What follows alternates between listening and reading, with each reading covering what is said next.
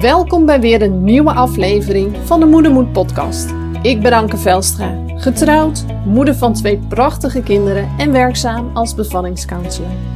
De geboorte van je kind is een van de meest bijzondere dingen die je kunt meemaken in je leven. Een ervaring die je leven voorgoed verandert en je hele leven zal bijblijven. Juist daarom is het belangrijk dat je met een goed gevoel op je bevalling kunt terugkijken. En dat is ook wat ik iedere vrouw gun. Helaas is bevallen niet voor alle vrouwen één grote roze wolk. En als er één ding is wat deze vrouwen met elkaar gemeen hebben, dan is dat dat ze zich enorm eenzaam voelen in hun ervaring. Met de Moedermoed podcast wil ik voor deze vrouwen een plek van herkenning creëren door het delen van verhalen van moedige moeders over bevallingen die anders liepen dan verwacht. Expert-interviews en tips en inzichten vanuit mijn werk als bevallingscounselor en als ervaringsdeskundige.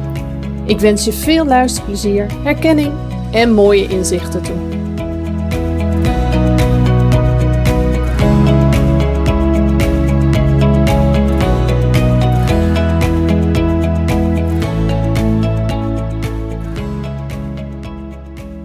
Welkom bij weer een nieuwe aflevering van de Moedermoed podcast. Vandaag mijn gast Suzanne Jongejan uit Leeuwarden. En Suzanne is moeder van een dochter en de eigenaresse van Ik Draag Je Verder. Suzanne draagt haar dochter al vanaf haar geboorte dagelijks in verschillende doeken en dragers. En volgens mij kan ik wel zeggen dat dragen een passie van Suzanne is geworden. En dat heeft haar ertoe aangezet om zich te laten scholen tot gecertificeerd draagconsulent bij die Tragerschule. Nu begeleidt ze andere ouders bij het ergonomisch leren dragen van hun kindje. Nou, dat was een hele mond vol. Zo nu en dan, dan stuiterde ik er ook even over. Maar het klopt helemaal. Het klopt wel helemaal, hè? Absoluut, ja. Ja, hey, welkom Susanne. En wat uh, fijn uh, dat ik vandaag deze podcast met je mag opnemen. Dankjewel. Heel erg leuk om daaraan mee te doen. Ja, nou, we gaan het vandaag eens over, uh, over dat dragen hebben, hè? Leuk, ja. ja.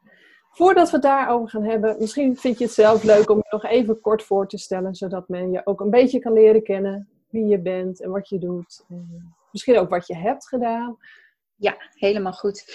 Ik ben uh, Susanne Jongejan. Ik ben nog net 35.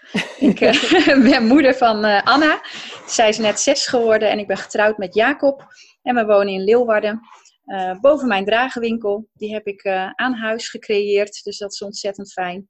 En uh, ik ben oorspronkelijk opgeleid tot hulpverlener. Ik ben de afgelopen tien jaar medisch-maatschappelijk werker geweest in het ziekenhuis in Heerenveen. En eigenlijk drie jaar geleden ben ik echt meer gaan werken als draagconsulent. en ben ik daarmee gaan uitbreiden tot een punt waarop ik net eigenlijk besloten heb om volledig zelfstandig te gaan. En ben ik ook gestopt met werken in het ziekenhuis in Heerenveen. Ja, ja. Ja, je ja. hebt me er wel... Uh, ik ken je natuurlijk al wat langer, dus je hebt me daar al wel over verteld dat je met die stappen bezig was. Maar ja. nu helemaal officieel. Klopt. Wow. Een hele spannende stap om ja. van uh, werken in loondienst uh, voor mezelf te beginnen. Ik had het ook nooit verwacht dat ik dat zou gaan doen ooit. Nee. Maar het is echt heel erg mooi, want mijn dochter heeft me eigenlijk op dit pad gebracht om... Ja. Ja, en, en zelfs een, een carrière switch eigenlijk ingezet. Ja. ja. Ja. Ja. ja, nou eigenlijk beantwoord je al een stukje van mijn volgende vraag. Maar ja, je bent eigenlijk uh, mede door je dochter helemaal gepassioneerd geraakt, volgens mij, door het dragen. Hè? En Klopt. Uh, is, is daar iets, iets gebeurd waardoor dat is gekomen? Of... Ja, nou ja mijn, uh, mijn dochter die was na geboorte heel onrustig. Ze heeft heel veel gehuild. En um, nou, al mijn hele instinct en moedergevoel zei dat ik haar niet wilde laten huilen. En dat het belangrijk was om haar te troosten en haar dichtbij me te houden. Dus ik liep eigenlijk gewoon uren op een dag met haar op mijn arm. Ja. Uh, om haar te wiegen en haar te troosten. En op een gegeven moment had ik echt een zere rug en mijn schouders zaten helemaal vast. En toen bedacht ik me ineens dat ik een draagdoek in de kast had liggen die ik van iemand had gekregen. In een zak vol met tweedehands kleertjes die ik had gekregen. Ja. En uh, zo ben ik eigenlijk begonnen met dragen. En dat werkte ontzettend fijn. We merkten gewoon dat onze dochter heel erg rustig werd daarvan. En dat ze ook in een hele diepe ontspanning kwam daardoor. En dat gaf haar dus heel veel rust. Maar ons eigenlijk ook als ouders. Want het is verschrikkelijk als je kindje zoveel huilt en je uh, het gevoel hebt dat er iets aan de hand is, maar dat je niet goed weet um, wat er speelt en uh, hoe je dat op kan lossen. En het liefst wil je natuurlijk dat je kindje zich fijn voelt en uh, ontspannen is. En ik had echt het gevoel van, joh, er is iets met haar en ik moet haar gewoon lekker dichtbij me houden. En daar was de draagdoek gewoon dus echt een redding in. Zo heb ja. ik dat ook echt gevoeld, dat ja. het... Um, ja, dat het een, een, een, een, redding was om haar lekker bij me te kunnen houden en toch mijn armen en rug te kunnen ontlasten door dat te doen met een draagdoek. Ja. Ja. En in jouw werk zag je waarschijnlijk ook veel andere ouders uh, die dat ook meemaakten met hun kindje. Absoluut. Dat veel huilde, dat ja. veel nabijheid vroeg of niet. Ja, ja. ja. ja heb ik heel veel uh, meegemaakt. Um, ik moet zeggen dat dat mij ook wel geholpen heeft uh, in die periode, omdat ik. Um, uh, daardoor ook al zicht had op het feit dat uh, kindjes soms huilen en dat het ook niet zo is dat dat aan jezelf ligt of dat uh, je iets verkeerd doet. Wat, mm -hmm. wat je heel vaak hoort van ouders is dat ze zich schuldig voelen of denken van ja, ik doe het niet goed of ik, hè, ik, ja. ik doe iets, iets wat niet past bij mijn kindje. En dan proberen ze van alles om het huilen te laten stoppen en om ja, voeding te veranderen bijvoorbeeld of uh, slaappatronen anders te willen. Of ja, allerlei uh, dingen, zeg maar, om te kijken wat is er aan de hand. En um, ja, ik, ik ben er eigenlijk altijd heel vol vertrouwen in geweest dat wij het niet verkeerd deden. En dat het gewoon heel belangrijk was om haar rust te geven en nabijheid te geven en bij haar te blijven. En uh, ja. op die manier eigenlijk. Um, ja, er voor haar te zijn. En natuurlijk ja. hebben we ook hulp gevraagd hoor. En gekeken ja, bij, uh, bij artsen van joh, wat is er mogelijk aan de hand. Maar daar kwamen we eigenlijk niet heel veel verder mee. En uh, ja, daardoor bleef zij onrustig. En is het dragen gewoon echt wel een, ja, een hele grote redding daarin geweest. En hebben we haar echt maandenlang heel veel gedragen. Ja, mooie was mooi. dus eigenlijk ja. dat het begon uit noodzaak, maar uiteindelijk ook heel veel positieve dingen heeft opgeleverd. Omdat ik echt zag wat uh, het opleverde, ook in haar ontwikkeling. Mm -hmm. En um, hoe fijn het was voor haar, maar ook voor ons. En toen ben ik me dus ook helemaal verder gaan verdiepen in wat er eigenlijk achter zit. Achter het, uh, het dragen van je kindje. Ja. En uh, waarom ze daar ook zo goed op reageerde. En uh, ja, dat, dat is gewoon heel bijzonder. Dus vielen voor mij een hele hoop uh, puzzelstukjes op hun plek toen ik dat allemaal las. Ja, kun je daar ja. misschien een, een voorbeeld van noemen? Want ik denk dat voor de luisteraars misschien heel lastig is om zich er een beeld bij te vormen wat nou de positieve effecten uh, kunnen zijn van het dragen. Wat, wat jij er bijvoorbeeld van merkte bij jouw dochter. Ja, nou wat, wat eigenlijk heel belangrijk is om te vertellen, is een stukje van de basis van uh, hoe wij biologisch in elkaar zitten. Mm-hmm. Eigenlijk zijn wij draaglingen. Ons, wij als mens, als soort, zijn zoogdieren en onze babytjes zijn draaglingen. Dat betekent eigenlijk dat wij horen bij de soort van jongen die na geboorte gedragen worden op het lijf van hun moeder. En uh, net als aapjes eigenlijk, dat kennen we eigenlijk allemaal. Dat aapjes ja. zich vastklemmen aan hun moeder en op die manier de hele dag uh, bij hun moeder um, zijn en daar nabijheid zoeken, veiligheid zoeken en ook aan de borst kunnen drinken wanneer ze honger hebben. En zo verzekeren zich, ze zich eigenlijk van veiligheid en geborgenheid. En onze kindjes zijn ook zo geprogrammeerd. Die worden dus eigenlijk geboren met een blauwdruk dat ze op je lijf willen zijn. En dat maakt ook dat onze kindjes zo rustig worden op het moment dat je ze wiegt, dat je ze optilt en bij je neemt. Omdat ze daar gewoon uh, heel goed op reageren en dat eigenlijk is wat ze nodig hebben. En baby's vragen daarom. Ja. En uh, het is dus ook zo dat op het moment dat je je kindje draagt, dat je eigenlijk tegemoet komt aan uh, waar je kindje voor geprogrammeerd is en waar het voor gemaakt is. En daarmee ook de ontwikkeling eigenlijk volledig stimuleert, um, zodat de hersenen zo goed mogelijk kunnen groeien. Maar ook uh, het lijfje. Dus je ziet dat kindjes um, fysiek beter ontwikkelen, maar ook uh, emotioneel en sociaal sneller mm. ontwikkelen. Bijvoorbeeld ook snellere spraak- en taalontwikkeling zie je. Okay. Maar ook ja. een, een hele goede hechting. Want dat is ook belangrijk mm. voor die hele kleintjes, met name ook in het begin, dat ze veel op je lijf zijn en veel nabijheid en veiligheid ervaren om goed te kunnen hechten. En uh, je ziet dat ze daar ontzettend goed op groeien en ja. uh, goed ontwikkelen. Ja. Nou, op dat stukje wat je nu net zei over die hechting, daar gaan we zo meteen nog wel wat verder op in. Want ja, uh, ja ik, ik, vind het heel jammer, maar heel veel van mijn luisteraars die juist naar deze podcast luisteren, uh, hebben dat eerste stukje daarin vaak door ja. Ja, allerlei oorzaken gemist. Bijvoorbeeld doordat het kindje vroeg geboren werd, in de couveuse mm-hmm. belandde, of dat het met moeder niet goed ging. Mm-hmm. Uh, hè, dus, uh, maar daar gaan we straks nog wel even wat verder op in. Ja. Um, ja, als je dit zo vertelt, het, het klinkt eigenlijk zo, zo logisch. En ehm, ik, ik ben ooit uh, een keer naar Afrika geweest. Ik ben naar Ghana geweest uh, op visite bij mijn oom. Ja, en daar dragen ook eigenlijk alle vrouwen hun kindjes op de rug met een doek. Uh, dus het, het, is zo normaal eigenlijk. Ja. Ja. Maar wij doen dat hier vaak niet meer. Uh, ja, moeders zijn ook niet, niet meer de moeders van vroeger. We hebben ook allemaal banen en druk en weet ik veel wat. Ja. Wel het ja, heel fijn is. En het is echt iets westers, hè? Om, uh, uh, wij zijn natuurlijk als westerlingen op een gegeven moment uh, heel snel ontwikkeld, hebben ook een technologische revolutie meegemaakt en ook steeds meer welvaart gekregen en daarmee ook um, heel veel spullen. Dus bijvoorbeeld kinderwagens die op een gegeven moment voor het grote publiek gemaakt werden. Maar ook uh, onze huizen met uh, heel veel slaapkamers, een box, uh, wipstoeltjes, maxicosies. bedenk van alles maar. Terwijl vroeger dus kindjes eigenlijk gewoon altijd op het lijf meegedragen werden. Ook door de vroegere mens eigenlijk. En je ziet dat inderdaad bij, op, op heel veel delen van de wereld zie je dat, dat dat eigenlijk nog heel normaal is. En met name bij stammen die nog veel dichter bij de natuur leven, is dat gewoon de, de normale manier uh, van vervoer. Maar ook ehm, van uh, die, die hechtingsrelatie opbouwen met je kindje. En hier in het Westen zijn we dat eigenlijk een beetje vergeten. Ja. Ja. Nou, nou moet ik er ook niet aan denken om met een kinderwagen door Afrika te gaan. Nee. Je weet hoe de wegen daar zijn. ik ben ook in Ghana geweest. Dus ik, uh, ja, ja. ik heb het uh, ook zelf meegemaakt en gezien ook hoe die vrouwen hun kindje eigenlijk gewoon heel natuurlijk uh, bij zich dragen. En daarmee ook nog steeds werken. Dus dat ze op het land aan het werk zijn en hele zware dingen dragen op hun hoofd. En het kindje eigenlijk gewoon meegedragen wordt. En ook, dat, dat is ook leuk om te zien, de, de broertjes en zusjes. Dus je ziet daar ook gewoon de, de jonge uh, meiden en uh, jongens al hun broertjes en zusjes knopen. En dan zie je dus ook hoe ze dat heel natuurlijk doen. Omdat ze dat daar gewoon generatie op generatie eigenlijk leren en meekrijgen. Ja. En dat, dat hebben we hier niet meer. Nee. Nee. Dan merk ik toch wel dat het weer wat in, in, in opkomst uh, is, gelukkig. Ja. Want toen mijn oudste geboren werd, tien en een half jaar geleden, was dat nog niet zo. Ik kreeg na een paar maanden kreeg ik een rekbare doek van mijn zusje. Maar eigenlijk was mijn oudste daar al te zwaar voor. Dus uh, na een klein wandelingetje heen ze halverwege. Ja, ja. Um, Maar wel toen ik de tweede keer zwanger raakte, bijna acht jaar later, had ik mezelf wel voorgenomen. Ik wil dit tweede kindje gewoon veel gaan dragen. Dat lijkt me zo fijn. Ja.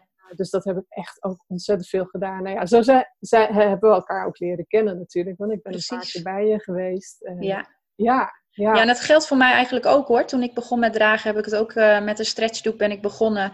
Ja. Uh, ik wist op dat moment ook niet dat er draagconsulenten waren.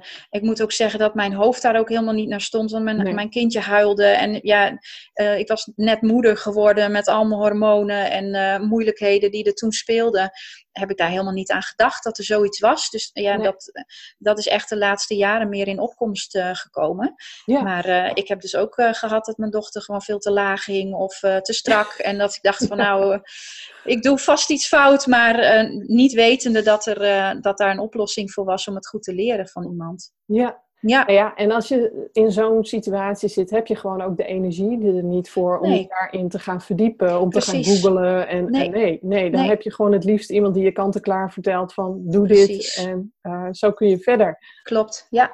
Nou ja, dat is precies ook waarom wij uh, deze podcast opnemen, om hier meer over te vertellen en nog meer bekendheid aan te geven precies. voor ouders. Ja. Hey, um, nee, je bent eigenlijk heel duidelijk vanuit jezelf, vanuit je eigen situatie begonnen met, met dragen, omdat jullie uh, dochter daar echt heel erg om vroeg. Mm maar er is ook een moment gekomen waarop jij dacht van ja, en nu wil ik ook andere ouders hierin gaan begeleiden. Wanneer was dat? Nou, mijn dochter die was um, inmiddels denk ik een jaar of twee. En um, ik merkte dat er toen ook veel meer openheid weer kwam um, voor mezelf. Want in het begin, uh, ja, ben je, als je net moeder wordt, is er zoveel veranderd, zoveel nieuw. En uh, nou ja, dat ook uh, weer een balans zien te vinden tussen je werk en, um, en het moederschap, heb ik best wel een tijdje voor nodig gehad om, dat, ja, om, om, die balans wat te vinden. Ook omdat het in de nachten niet altijd makkelijk was. Maar toen kwam er op, op, een gegeven moment een opening dat ik dacht van joh, ik, ik voel daar energie voor en ik wil daar iets mee gaan doen.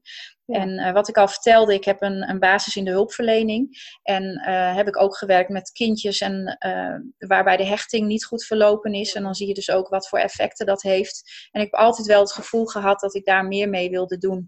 En eigenlijk door mijn dochter en het dragen en alle theorie dat ik daarover gelezen had, wist ik ook gewoon dat het dragen heel erg bij kan dragen aan een, een goede hechting.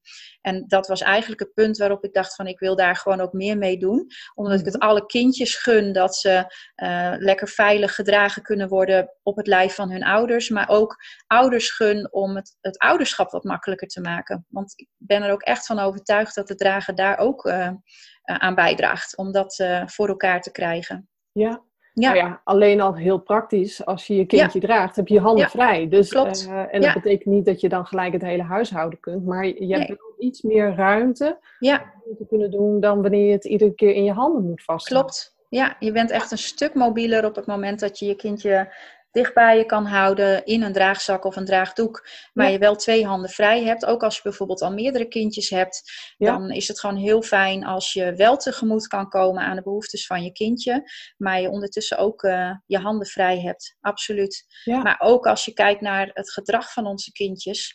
Um, ze hebben gewoon heel veel nabijheid nodig. En hier in het Westen zijn we toch wel meer gewend geraakt aan het wegleggen van onze kindjes. En wordt het soms ook wel geadviseerd om ze vooral niet te verwennen en ze niet te veel dichtbij te houden. En um, er zijn kindjes die dat prima vinden, die, uh, die heel ontspannen zijn. Maar er zijn ook heel veel kindjes die dat dus niet accepteren, omdat ze gewoon die nabijheid nodig hebben en daar ook actief om vragen. En op het moment dat je Ehm, probeert om tegen die natuurlijke instincten in te werken, dan eh, kan het heel goed zijn dat je het gevoel gaat krijgen dat je het zelf fout doet of dat er iets mis is met je kindje. En dat is zo zonde. Dus je merkt gewoon dat het ook heel veel meer rust geeft op het moment dat je werkt met de instincten van je kindje en ook van jezelf. Um, omdat dat gewoon veel fijner voelt en uiteindelijk het ook makkelijker maakt. ja. En hoe ouder ze worden, hoe groter die afstand natuurlijk uh, wordt. Maar ik merk met mijn peuter van 2,5 op dit moment dat hij nu weer in een fase zit waarin hij toch regelmatig gedurende de dag even de nabijheid van mama zoekt. Absoluut. Ik, ik moest zo lachen vanochtend. Uh, ik, ik, doe op dinsdag eh, nooit cliënten, ehm, maar ik, ik, ik zat wel even achter de laptop of ik lag half op de bank met de laptop. ja. En op een gegeven moment, uh, ja, hij, hij wilde op mijn schootje. Nou, ik zei, dat kan niet, want daar zit nu de laptop gaat hij half op mijn knieën zitten voor de laptop. Zo van, nou, dan zit ik toch op jou. Ja, en dan kun jij op je laptop werken. ik moest Klopt. lachen. Ja, en die peuters hebben ook zo jouw nabijheid nog nodig. En um, ze willen alles ontdekken, maar te tegelijkertijd krijgen ze ook heel veel prikkels en heel veel te verwerken. En hebben ze gewoon ook af en toe jou als basis gewoon weer even nodig om te aarden en om even lekker bij je te zitten.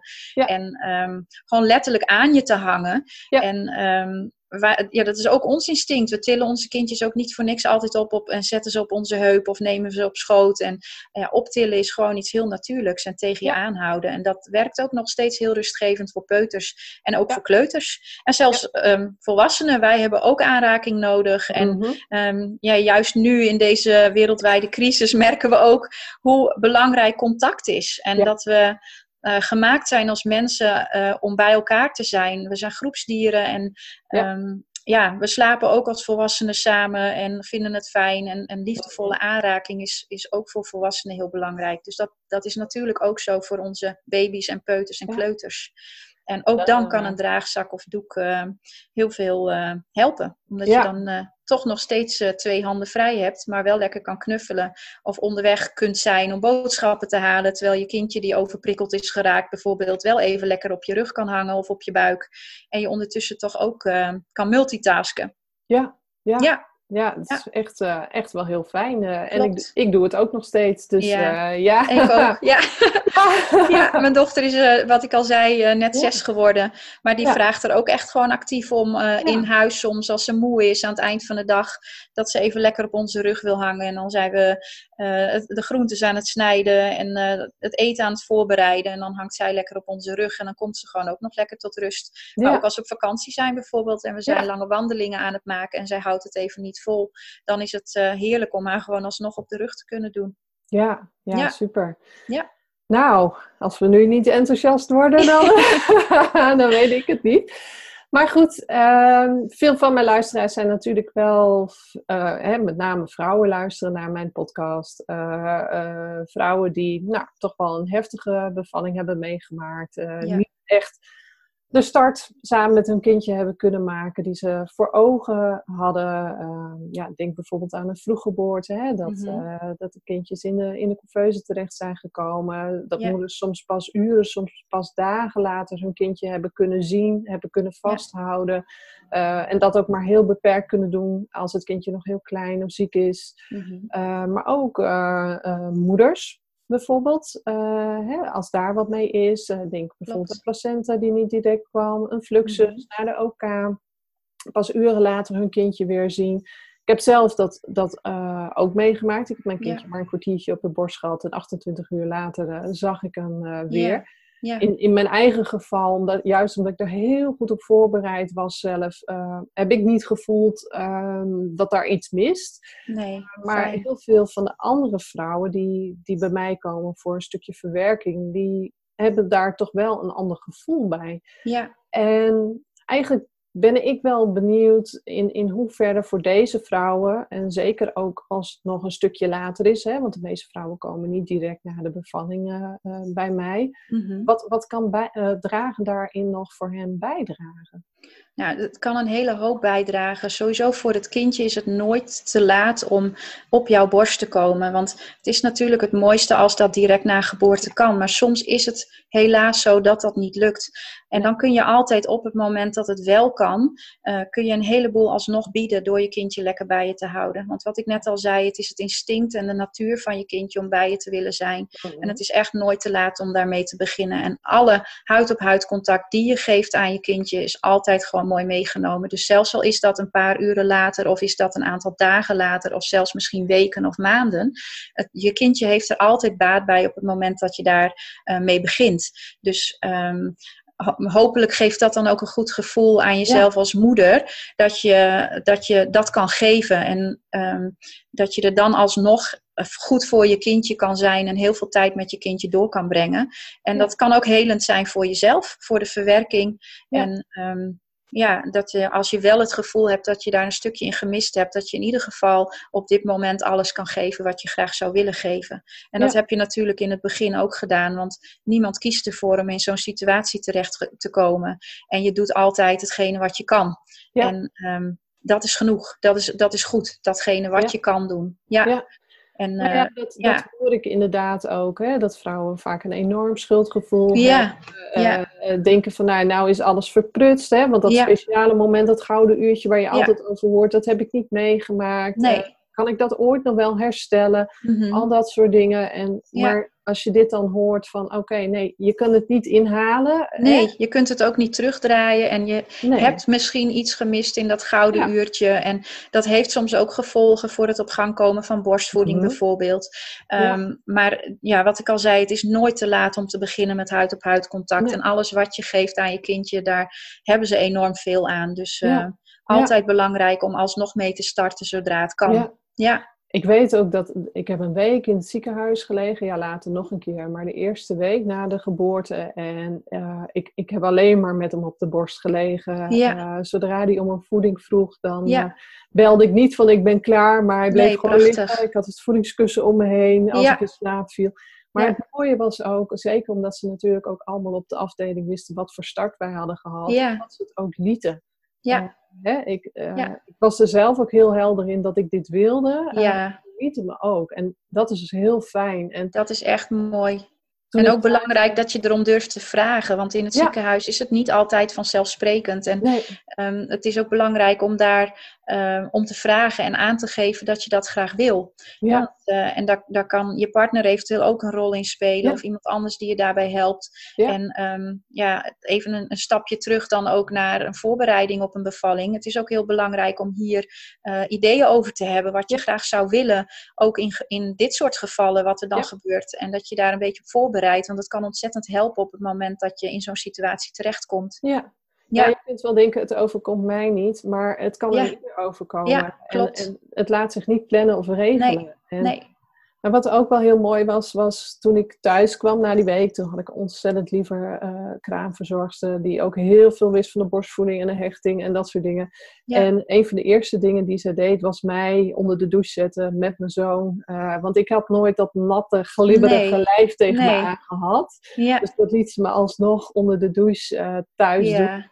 En dat was heel bijzonder, merkte ik. Ja, prachtig hè?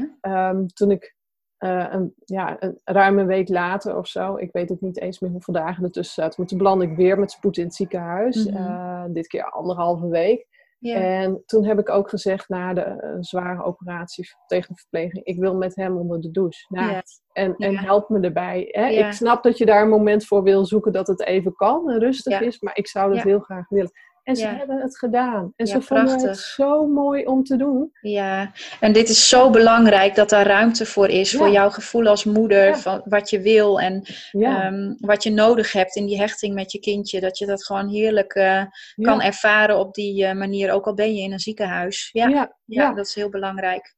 En misschien moet je daar dan even voor loslaten dat je niet om half negen gedoucht wordt, maar misschien om elf uur als het rustig is. Maar als je dat ervoor terug kunt krijgen, dat, dat is heel bijzonder. Ja, dat is prachtig. Ja. En het, het dragen uh, helpt ook op het moment dat je bijvoorbeeld fysiek uh, nog niet heel sterk bent. Als je heel wat hebt mhm. meegemaakt, medisch gezien, kan het ook gewoon zijn dat je ontzettend moe bent. En dat je niet de armkracht hebt bijvoorbeeld om je kindje goed te, bij je te houden.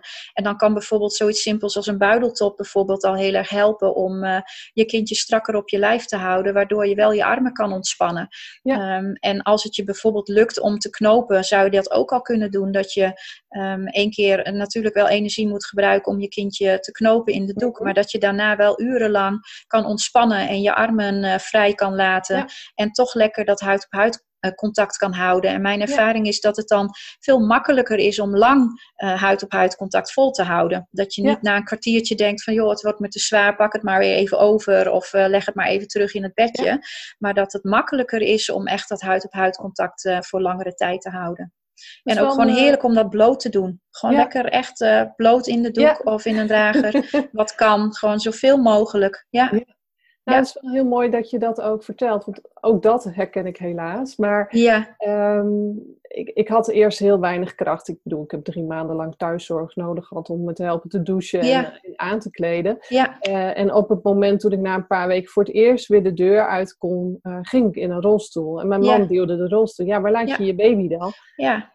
Dat had dus gekund. Ja, ja, Ik had hem ook, ook als je. Ja, perfect. Ja, dat, is, dat is echt geweldig. Want je, ja, je bent er echt een stuk mobieler door. Dus in, in ontzettend veel situaties kun je je kindje dragen. Ook als je zelf een beperking hebt of als er iets met je kindje is. En dan, uh, dan maakt, dat, uh, maakt dat het echt makkelijker. Want inderdaad, hoe, hoe doe je dat met een kinderwagen op afstand? Dat werkt niet.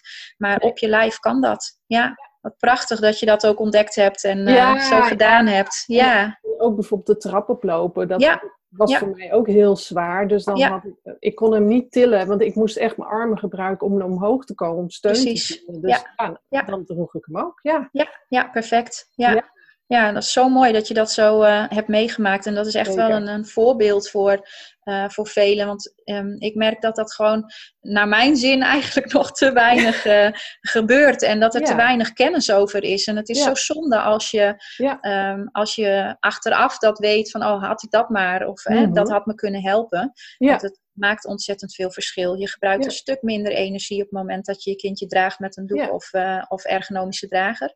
Ja. Dat scheelt ontzettend. En um, soms krijgen mensen ook wel het advies om je kindje niet te veel te dragen, omdat het te zwaar zou zijn voor je bekken of voor je, uh, voor je lijf. En natuurlijk is het altijd heel goed om te luisteren naar uh, mm. um, adviezen van artsen en fysiotherapeuten. Maar vaak is het toch zo dat je je kindje moet tillen. Omdat je als je op een gegeven moment weer alleen de zorg hebt voor je kindje en je partner is aan het werk, dan moet je toch. Ja. En dan uh, kan het toch alsnog heel erg fijn zijn om dat uh, met een doek of dragen te doen, zodat ja. je in ieder geval zo ergonomisch mogelijk voor je lijf dra draagt en ook voor, uh, voor het lijf van je kindje. Ja. En dan kan het echt ontzettend helpend zijn. Ja. ja. Nou ja, je noemde dat net al en dat sluit eigenlijk wel heel mooi aan bij, bij de volgende vraag die ik heb. Want uh, heel veel ouders hebben het idee van, ja, kan ik wel dragen? Eh, Mhm. heel veel moeders bijvoorbeeld die een keizersnede hebben gekregen, heb ik natuurlijk ook gehad. Ja. Eh, kun je dan wel dragen? Heel vaak eh, denken ze van niet. Mhm. Ehm, ik heb het dus wel gedaan. Ja. Ehm, ik merkte wel dat ik dat nog niet in, zeker in het begin te lang achter elkaar kon doen. Want dan begon mijn buikspieren wel erg te zeuren. Ja, ja. Uh, maar heel vaak zitten dat soort vragen. Of, of uh, moeders bijvoorbeeld van kindjes met een beperking of een te vroeg geboren kindje. Kun je dan dragen in dit soort situaties? Ja, absoluut. Een keizersnede op zich is niet een reden om niet te kunnen dragen. Het is Mhm. natuurlijk wel heel belangrijk om naar de grenzen van je lichaam te luisteren. En het is ook uh, belangrijk dat je goed weet hoe je moet dragen en met welk middel. Want het kan bijvoorbeeld zijn dat een draagzak met een hele brede band, dat die misschien minder prettig zit op je buik dan een doek bijvoorbeeld. Ja. Er zit echt ontzettend veel verschil uh, tussen de verschillende draagsystemen. En daardoor is het gewoon ook heel belangrijk dat je je goed laat adviseren om te kijken wat bij je lijf past. En dat is altijd zo. Dat is niet alleen als je een keizersnede hebt gehad of als je iets anders, ehm, uh, als je ergens een beperking hebt bijvoorbeeld. Maar sowieso is dat heel belangrijk om daarnaar te kijken. En zeker ook wat passend is uh, voor je kindje. Ook prematuur geboren kindjes of dismature kindjes kun je ook gewoon dragen. Um, maar niet met alle middelen. Je moet wel heel goed weten uh, wat passend is voor je baby. Mhm. Zodat je veilig en ergonomisch kan dragen. En daar kan een consulentje dus bij helpen die daarin gespecialiseerd is. Om je dat uit te leggen waar je op moet letten. En, Ja. en hoe je veilig kunt dragen. Ja, Ja. maar er zijn echt ontzettend veel mogelijkheden. Ook voor kindjes met spreidbroekjes of met klompvoetjes. Ehm, dan is dragen soms zelfs gewoon echt een uitkomst. Omdat liggen in een, ehm, in een kinderwagen of in een buggy vervoeren soms niet eens kan. Omdat eh, vanwege de hulpmiddelen die gebruikt worden, dat het heel lastig is. En Ja. ehm, kindjes vinden dat vaak ook veel fijner om dan rechtop in een actieve houding meegedragen te worden. Als een deel van hun lijf bijvoorbeeld al beperkt is door een spreidbroekje of eh, Mm. door een, een brace aan hun voeten. Dan is het ontzettend fijn als ze lekker dicht, dicht bij je kunnen zijn. Ehm, en in beweging kunnen zijn met jou. Ja. En dat geeft Ja. natuurlijk ook een stukje troost en eh, nabijheid in Ja. een situatie waarin ze zich misschien niet helemaal prettig voelen omdat ze beperkt worden in beweging. Wat ze vaak met name in het begin voelen. Maar ehm, er is dus echt ontzettend veel mogelijk. En ook ehm, voor kindjes met een beperking die ook al wat ouder zijn bijvoorbeeld. Als, als kindjes die bijvoorbeeld rolstoelgebonden zijn, ehm, Mhm. Je ontzettend veel aan hebben op het moment dat je kunt dragen. Want het maakt jezelf een stuk mobieler. En ehm, geeft je kindje dus ook weer een hele hoop stimulering en ontwikkeling. Ja. Ja. Ja, en, eh, en ook een ander perspectief, hè? Op Zeker, hoogte ja, gedragen ja, worden ook. Ja, klopt. Ja. Je kunt je eh, voorstellen dat liggend op je rug krijg je een stuk minder mee dan op het moment dat je rechtop actief betrokken wordt en op ooghoogte zit van de meeste volwassenen. En dat je, dat je veel meer de wereld kunt overzien. Ja, Ja. Klopt. En hoe zit het dan bijvoorbeeld eh, met moeders van een tweeling? Kunnen die ook dragen? Zeker. Er zijn heel veel opties voor. Ja, ik noem dat altijd knopen 2.0. Ja, dat is ja, wel een dan heb je twee. Ja. Ja. Maar eh, je kunt heel goed een tweeling dragen. En eh, je kan dat doen bijvoorbeeld met één lange geweven doek waar je beide in kan dragen. Dan Ja. dat je er één op elke heup hebt. Maar je kan ook een combinatie van het gebruik van twee ringslings bijvoorbeeld. Waar je ze allebei apart in een, in een draagdoek hebt. Of eh, één op je buik, één op je rug. Er zijn eigenlijk heel veel opties.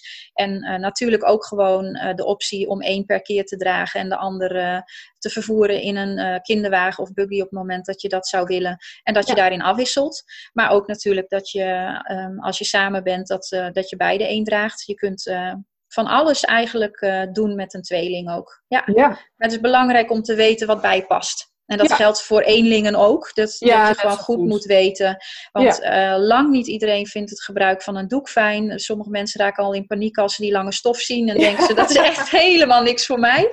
En dan kan je ook prima dragen met een eh, ergonomische drager. Als die maar gewoon goed passend en goed ergonomisch is. ja, En ehm, ja, dat, dan kun je, kun je heel veel kanten op. Ja, ja. Oh, super. ja. Nou, dus dat hoeft allemaal geen probleem te zijn. Nee, Heb je een wens, een draagwens, eh, ja, zoek gewoon contact eh, met een draagconsulent. Die kun je hier heel goed mee verder helpen. Dat hoor je wel, wat Suzanne ook vertelt. Ja. hey, en ehm, wat voor tips en adviezen? Je hebt natuurlijk zo tussen de regels door wel het een en ander al gemeld. Maar zou je willen meegeven aan ouders die willen gaan dragen of dat ze aan het overwegen zijn? Nou, sowieso om goed advies te vragen voordat je start met dragen. Of ook als je al begonnen bent en je denkt van nou joh, ik loop er toch tegenaan dat mijn kindje het niet prettig vindt. Of ik vind het zelf zwaar. Of ik krijg een zeer een nek of rug. Neem altijd contact op. Want Ehm, het is ontzettend belangrijk om vanaf begin te weten ehm, hoe je goed ergonomisch draagt. Het is voor de veiligheid van je kindje heel belangrijk om uh, goed strak en in de juiste ergonomische houding te dragen. Om een goede ademhaling ehm, te kunnen waarborgen in een doek of drager. en ook als je met een ergonomische drager wil dragen, is het heel uh, belangrijk om te weten welke passend is, zodat je die ergonomische houding goed kan ondersteunen. Want helaas zijn er ook nog wel dragers op de markt die niet ergonomisch zijn. En uh, ergonomisch is geen beschermde term. Dus er zijn een hele hoop draagzakken waar een stempel op staat dat die ergonomisch is. Maar wat het dan mhm. dus eigenlijk niet is. Dus um, ja, ook um, in uh, bij producten zoals draagzakken speelt marketing een grote rol. En het is gewoon heel jammer als je misleid wordt daardoor en een verkeerd product aanschaft, waardoor je niet um, met plezier gaat dragen of misschien zelfs wel onveilig draagt. En dat is heel, heel jammer. Ik hoor regelmatig dat mensen stoppen met dragen omdat ze denken dat hun kindje het niet prettig vindt of dat ze klachten krijgen. En mm -hmm. als dat aan uh, aan een verkeerde knooptechniek of aan uh, verkeerd gebruik van een draagzak of misschien wel een niet fijne drager ligt, is dat zo zonde om dan niet te dragen.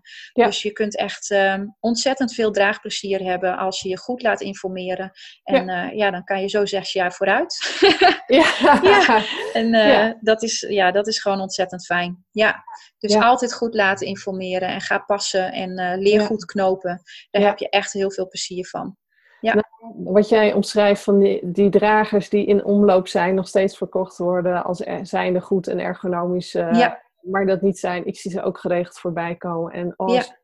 soms moet ik echt uh, ja, mezelf tegenhouden om niet die ouder aan te spreken. Van goh, hey, er zijn ook andere opties Precies. Uh, dan dit. Want dan zie ik dat ja. erin hangen en denk ik, oh man, dit is toch niet fijn. Of zelfs nee. omgekeerd, met het gezichtje naar voren draaien. dragen. Ja kan helemaal niet. Het is niet oké. Okay.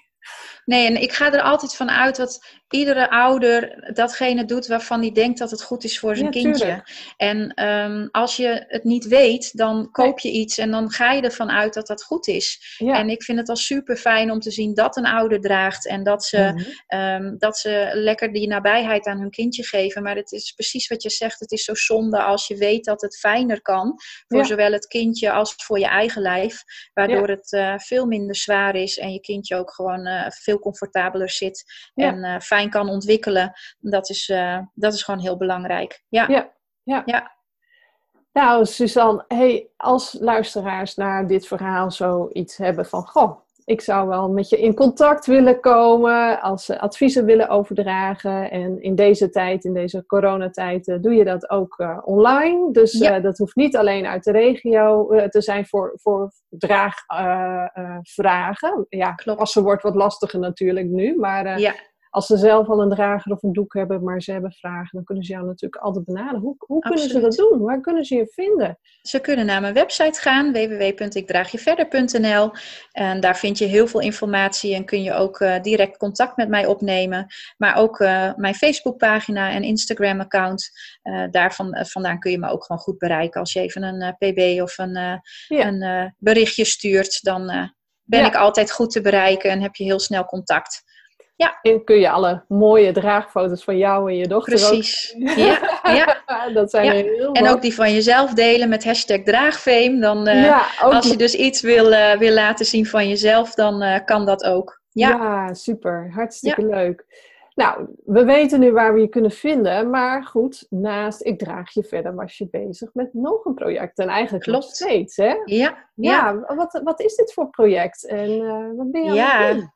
Nou, dat was een, uh, een heel leuk project om uh, voor het eerst een uh, evenement te organiseren voor zwangere dames en, en dames die een pasgeboren kindje hadden. Het Zwanger ja. en Baby Event Friesland. Ja. Um, en dat zou plaatsvinden in maart. En twee dagen daarvoor kregen we een totale lockdown in ons land en moest het allemaal gecanceld worden. Ja, oh. Omdat evenementen niet, niet meer door konden gaan. Dus dat was echt een enorme domper, omdat we een jaar hebben toegewerkt naar de opzet ja. van dit event. En uh, ja. ja, helaas uh, kon dat dus niet plaatsvinden en moesten op het laatste moment uh, cancelen. Maar het was zo jammer. We hadden meer dan 80 standhouders met allemaal informatie en producten rondom zwangerschap en bevallen en, en baby's.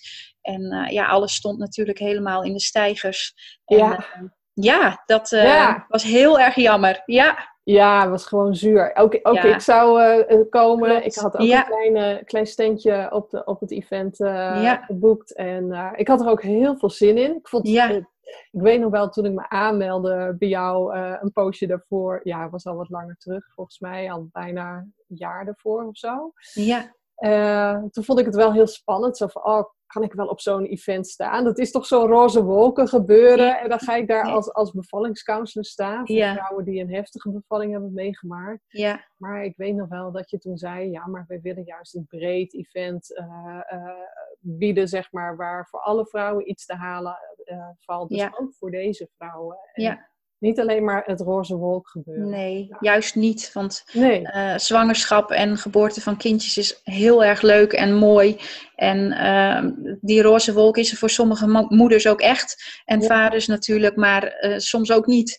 En het is ook wel heel fijn om dat taboe te doorbreken. En ook te laten zien wat er is op het moment dat je dat niet ervaart. En dat je ook dan um, mensen kan vinden zoals jij ook, die kunnen helpen om uh, een zwangerschap of een bevalling te verwerken op het moment dat het niet gegaan is zoals je wilde. En het ja. ja. anders loopt allemaal dan je misschien had gewild. En juist dat vind ik ook zo belangrijk. Mm. We, leven echt in een wereld waarin we op Instagram en Facebook alle mooie plaatjes laten zien. En zo is het gewoon af en toe niet met het moederschap en ouderschap. En het is denk ik heel belangrijk om dat taboe te doorbreken. En ook open en eerlijk te mogen zijn over uh, de dingen waar we tegenaan lopen. Ik denk dat het juist heel belangrijk is om elkaar daarin te helpen en uh, daarin te vinden. Ja. dus wij wilden inderdaad juist een heel mooi breed aanbod laten zien van uh, leuke schattige kleertjes uh, tot, uh, tot ook, um, ja, zoals jij als bevallingscounselor, um, dat het ook anders kan gaan. Ja, dus van alles. Ja, Wel heel, heel mooi. Maar ja, toen ja. kwam dus die corona. Ja, ja. Sorry. Toen moest je in één keer gaan annuleren alles. Klopt, en, ja. Wat ging er op dat moment door je heen? Ja, ik, we vonden het heel moeilijk. Ik organiseerde het evenement samen met Aafke. Ja. En um, ja, we hebben natuurlijk uh, in de aanloop er naartoe al veel overleg gehad van oh jee, het komt nu wel dichterbij, wat nu? Mm -hmm. um, je probeert dan natuurlijk in eerste instantie de richtlijnen van het RIVM te bekijken en te horen wat, uh, uh, ja, wat er aanbevolen wordt. Want het cancelen of verzetten van zo'n event doe je natuurlijk niet zomaar. Maar nee. aan de andere kant heb je natuurlijk ook de verantwoordelijkheid voor de ja. gezondheid van zowel standhouders als alle bezoekers die daar naartoe komen. En op een gegeven moment vonden wij het gewoon echt niet verantwoord meer en voelde het gewoon voor ons niet meer goed om dat te doen. En nee. uh, we merkten ook bij standhouders dat er onrust ontstond, omdat die natuurlijk ook uh, uh, de gezondheid van hun cliënten in hun praktijken wilden waarborgen. En dus ook het niet wilden opzoeken om op een groot evenement te gaan staan. Ja. Um, en dus hebben we toen toch besloten om te gaan verzetten, eigenlijk nog voordat dat op donderdagmiddag ook officieel bekend werd dat het niet door mocht gaan.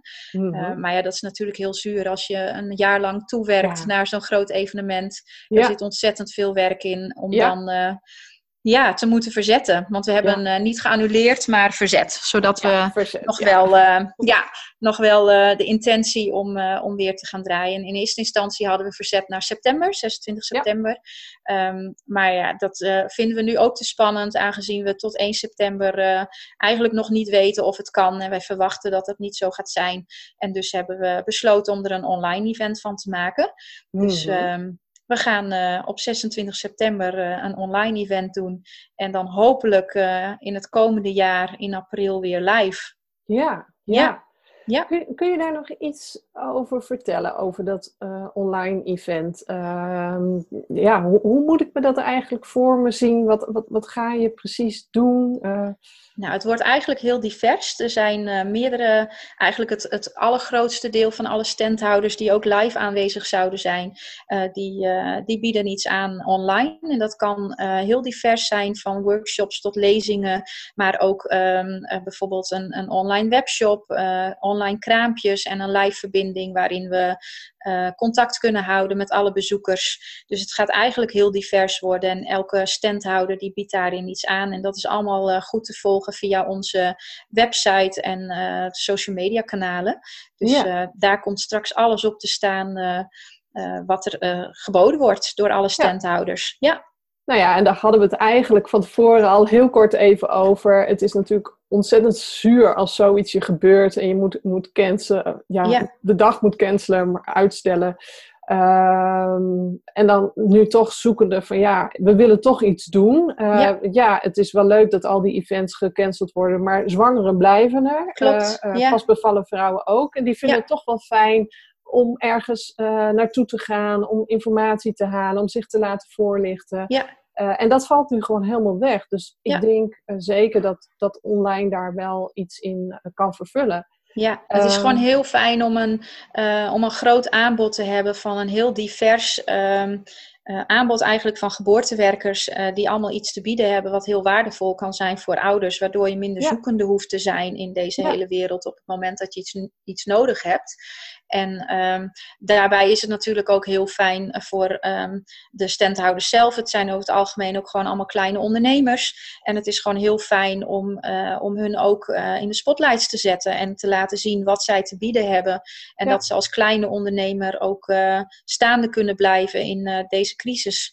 Want dat is natuurlijk ook uh, heel belangrijk dat we ja. bewust zijn van het, on of, van het lokaal shoppen. En dat we niet alles online bestellen bij de grote mm -hmm. leveranciers, maar ook aandacht hebben voor uh, de kleinere bedrijven in onze eigen omgeving. Ja, ja. zodat ja. zij uh, na deze crisis uh, ook nog kunnen blijven bestaan. Absoluut, ja, ja een klopt. Hele mooie gedachte. Ja. Nou ja, en het biedt dus een voordeel, want misschien als je ergens in het zuiden van Nederland woont, uh, zou je misschien niet zo snel in de auto stappen om naar Friesland te rijden voor dit event. Maar nee, online... moet ze in april natuurlijk wel doen, als het dan kan draaien. ja, maar dan zijn ze natuurlijk misschien al een keer online langs geweest en dan denk je, oh, dit is leuk, dus dat is ja. ook wat minder groot. ja. ja. Ja.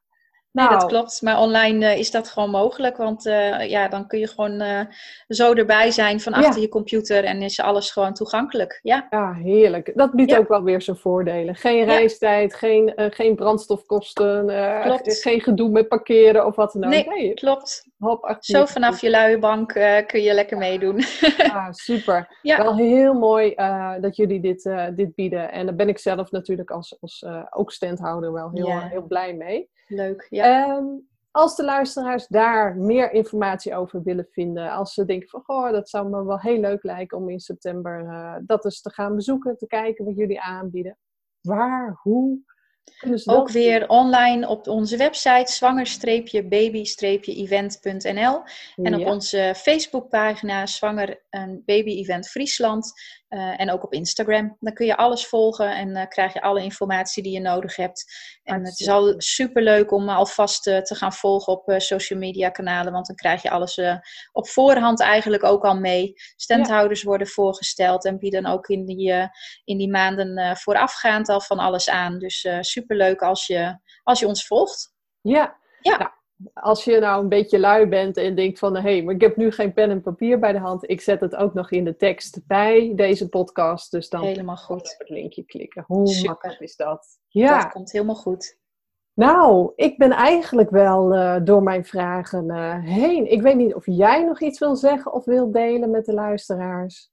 Nou, wat ik um, nog heel belangrijk vind om te zeggen is dat het, uh, naar mijn idee, belangrijk is om naar je instincten, naar je gevoel te luisteren. Want we hebben tegenwoordig zoveel regeltjes en boeken mm. over opvoeding en uh, hoe alles zou moeten. En ik vind het zo belangrijk dat we wat dichter bij de natuur terechtkomen en weer een beetje luisteren naar onze instincten van onszelf, maar ook van onze baby's. Ik denk dat het ouderschap daar een stuk relaxter en fijner van kan worden.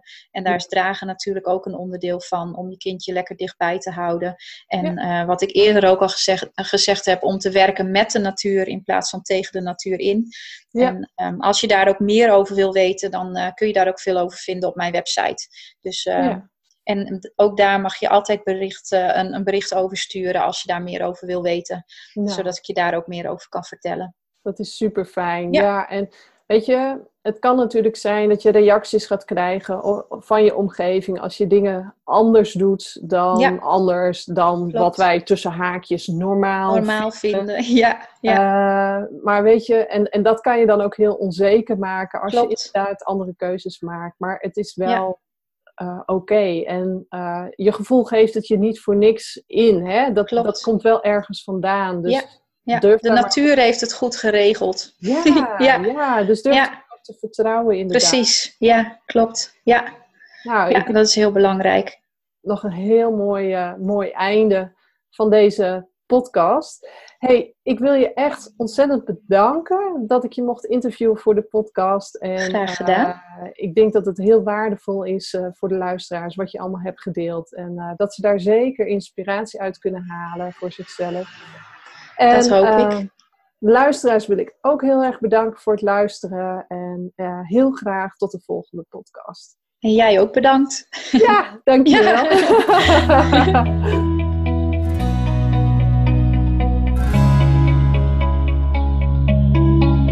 Heel erg bedankt voor het luisteren naar deze aflevering van de Moedermoed podcast. Vond je deze aflevering interessant en waardevol? Maak van deze podcast dan geen goed bewaard geheim. Bijvoorbeeld door een screenshot te delen via social media of stories en mij daarin te taggen, of door een review achter te laten op Apple Podcasts. Daardoor wordt de Moedermoed podcast nog beter gevonden en kan ik zoveel meer vrouwen bereiken en ondersteunen die zich nu eenzaam voelen in hun bevalervaring. Dankjewel alvast en heel graag tot de volgende podcast.